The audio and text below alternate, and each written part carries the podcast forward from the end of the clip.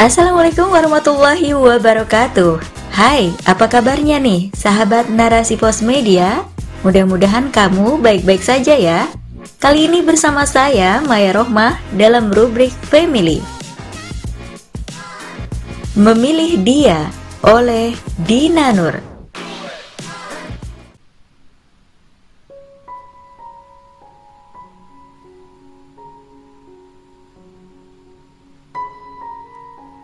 Sahabat, saya pernah membaca sebuah kisah nyata yang dimuat di sebuah majalah wanita terkenal. Mata saya sembab usai membaca kisah tersebut. Terbayang bagaimana sedih dan malangnya keadaan sang tokoh. Kisah itu adalah tentang seorang ibu yang berjuang merawat buah hatinya yang merupakan anak berkebutuhan khusus atau ABK. Yang membuat dada saya sesak adalah kenyataan bahwa sang ibu harus dihadapkan pada pilihan berat. Ia diharuskan memilih suami atau anaknya. Dalam pemikiran saya yang masih anak-anak kala itu, apa yang terjadi pada sang ibu sangat sulit diterima. Terlebih lagi setelah tahu bahwa yang mengultimatum si ibu adalah suaminya sendiri alias sang ayah kandung ABK. Kenapa ayah tega melakukan itu? Tak sayangkah ia pada istri dan anaknya? Apa yang membuatnya ngotot begitu? Sambil menangis, saya terus bertanya-tanya sendiri. Sungguh, saya tidak memahami dunia ini. Perasaan dan logika saya seperti diaduk-aduk. Tidak dijelaskan secara mendetail alasan kenapa sang ayah meminta ibu untuk memilih di antara dirinya dengan sang putra. Demi menjaga privasi keluarga dan kehormatan sang ayah, ibu itu tidak bisa mengungkapkan secara gamblang. Ada persoalan yang memang telah lama membelit dan tak kunjung terselesaikan. Sempat diceritakan sedikit, bahwa sang ayah merasa ibu terlalu perhatian kepada anaknya. Bukankah memang sudah semestinya anak mendapatkan perhatian dan perlindungan dari orang tuanya? Apakah salah bila ibu mencintai dan ingin memberikan yang terbaik bagi anak-anaknya? Apalagi kondisi tidak beruntung yang dimiliki sang putra tentu membutuhkan perlakuan ekstra.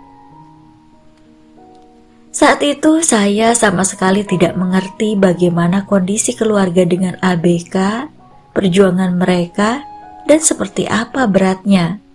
Namun, pemikiran sederhana saya menuntun bahwa ketidaknormalan sang anak itu berimplikasi pada hal-hal yang menuntut upaya lebih dari biasanya dalam banyak sisi. Menurut saya, itu pasti berat bagi mereka Pada akhirnya, ibu memilih sang putra dengan alasan ia lebih membutuhkan dirinya dan tak kuasa bila harus melepas buah hatinya tersebut. Pilihan itu mengandung konsekuensi ia harus berpisah dari sang suami. Entah seperti apa kehidupan anak dengan ibu itu tanpa ayah di sisi mereka. Hati saya terluka. Kisah itu benar-benar membuat saya merasa terhianati ada ketidakadilan yang juga menorehkan luka mendalam. Sungguh tidak adil bila ibu harus menanggung beban seberat itu. Harusnya ibu mendapat dukungan penuh dalam merawat anak-anaknya. Bagaimanapun keadaannya, tidak patut bagi ayah meninggalkan ibu menjalani semuanya sendirian. Kenapa harus memilih? Tak bisakah menahan semua ego demi sang anak? Begitulah tanya saya kala itu. Sisi emosional saya tercabik. Tahun berganti tahun, kisah itu tak pernah terlupakan. Kini, setelah berkeluarga dan mengalami sendiri dinamika dalam rumah tangga, saya bisa melihatnya dengan pandangan yang lebih luas. Setiap keluarga memang punya masalah dan ujiannya masing-masing, serta bagaimana menghadapinya. Sebagai seorang Muslim, tentunya harus menjadikan Allah sebagai satu-satunya tempat bertumpu. Dalam keadaan apa pun, Dialah yang senantiasa menjadi sandaran. Apa yang kita lakukan harusnya memang Dia yang kita tuju, melibatkannya selalu di setiap detik kehidupan. Perjalanan hidup akan menghadapkan kita pada pilihan-pilihan. Terkadang, pilihan tersebut amat sulit karena menyangkut orang-orang yang kita cintai. Tak terbayangkan betapa beratnya harus memilih di antara keluarga sendiri. Ibaratnya seperti memilih hati dan jantung, dua hal yang sama-sama penting. Namun, bila harus memilih, maka saya memilih untuk menyerahkan semuanya pada Dia. Biarlah Allah yang menuntun jalan. Terdengar klise, tetapi memang seperti itulah adanya. Kita tak bisa memaksa siapa pun tetap berada di sisi kita. Kita tak punya kuasa menggerakkan hati manusia. Kita tak mungkin mengubah cinta dan benci sesuai kehendak kita. Hanya Allah yang bisa. Bila memang harus memilih, maka mintalah padanya untuk memberikan petunjuk dan kekuatan. Kita penuhi kewajiban sebagai hamba dengan menjaga ketakwaan selalu untuknya. Tiada lepas doa dan harapan kita hanya padanya. Dengan begitu, jalan akan terbuka dan kita mampu melaluinya menurut kehendak Dia, Sang Maha Penyayang lagi maha pengasih. Kita bukan apa-apa tanpanya. Dialah tumpuan dan tujuan. Dialah yang memberikan kekuatan dan pertolongan sehingga kita mampu melakukan segalanya. Dia juga yang menunjukkan kita pada jalan yang terbaik, termasuk dalam membuat pilihan. Apa pun pilihan kita, sesungguhnya hanya ridho Allah yang kita cari Tak ada kekecewaan berarti jika sedari awal kita yakin bahwa apa pun yang digariskan olehnya, itulah yang terbaik. Menyadari bahwa semua yang ada di sisi kita saat ini hanya titipan, pasangan dan anak kita juga hanya sementara saja keberadaannya.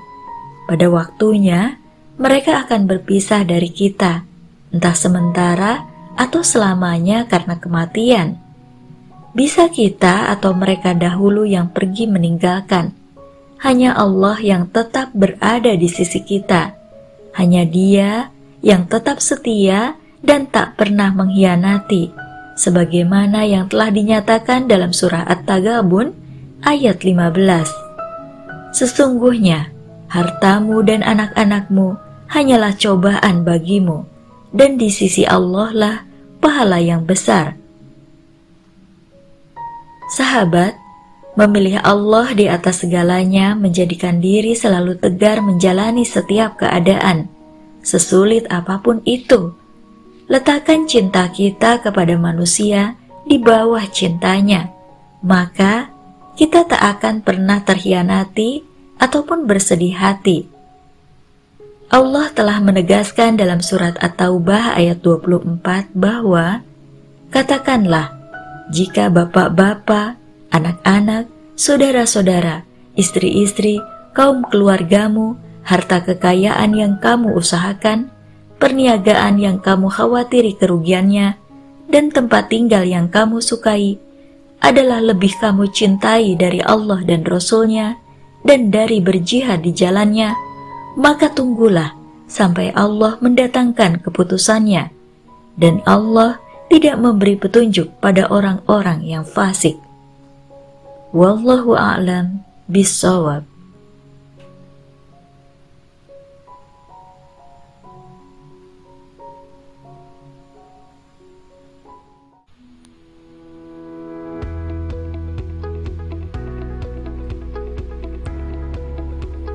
Iya, sahabat narasi pos media, tetap semangat buat kamu di sana yang sedang berjuang, berjuang dalam hal apa pun itu. Semangat terus, jangan lupa berdoa dan jaga kesehatan. Jangan lupa juga nih, buat kamu yang ingin puisimu atau kisahmu dibacakan di akun podcast ini, langsung saja kirimkan tulisanmu ke email narasiposmedia@gmail.com. Tetap jaga kesehatan dan sampai jumpa. Assalamualaikum warahmatullahi wabarakatuh.